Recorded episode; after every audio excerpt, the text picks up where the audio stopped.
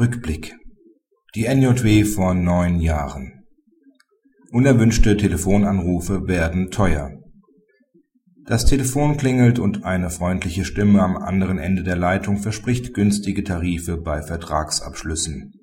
Das war zumindest bis zum Inkrafttreten der neuen Regelungen zum Verbraucherschutz bei Telefonwerbung und Fernabsatzverträgen gängige Praxis. Ob das neue Gesetz Besserung verspricht? Nach neuer Gesetzeslage ist Telefonwerbung gegenüber Verbrauchern nur bei deren vorheriger ausdrücklicher Einwilligung zulässig. Damit folgte der Gesetzgeber dem BGH, der dies in diversen Entscheidungen bereits klargestellt hatte so unter anderem in der Entscheidung Telefonwerbung 6, die in der NJW von vor neun Jahren veröffentlicht ist.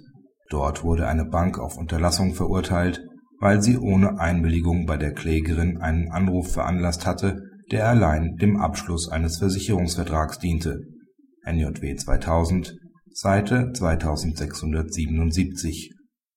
Helmut Köhler bezweifelt in seinem Aufsatz der in dieser Ausgabe auf Seite 2567 abgedruckt ist, dass die bloße gesetzliche Klarstellung praktische Bedeutung haben wird. Mehr verspricht er sich von der durch die Neuregelung erhöhten Bußgeldandrohung.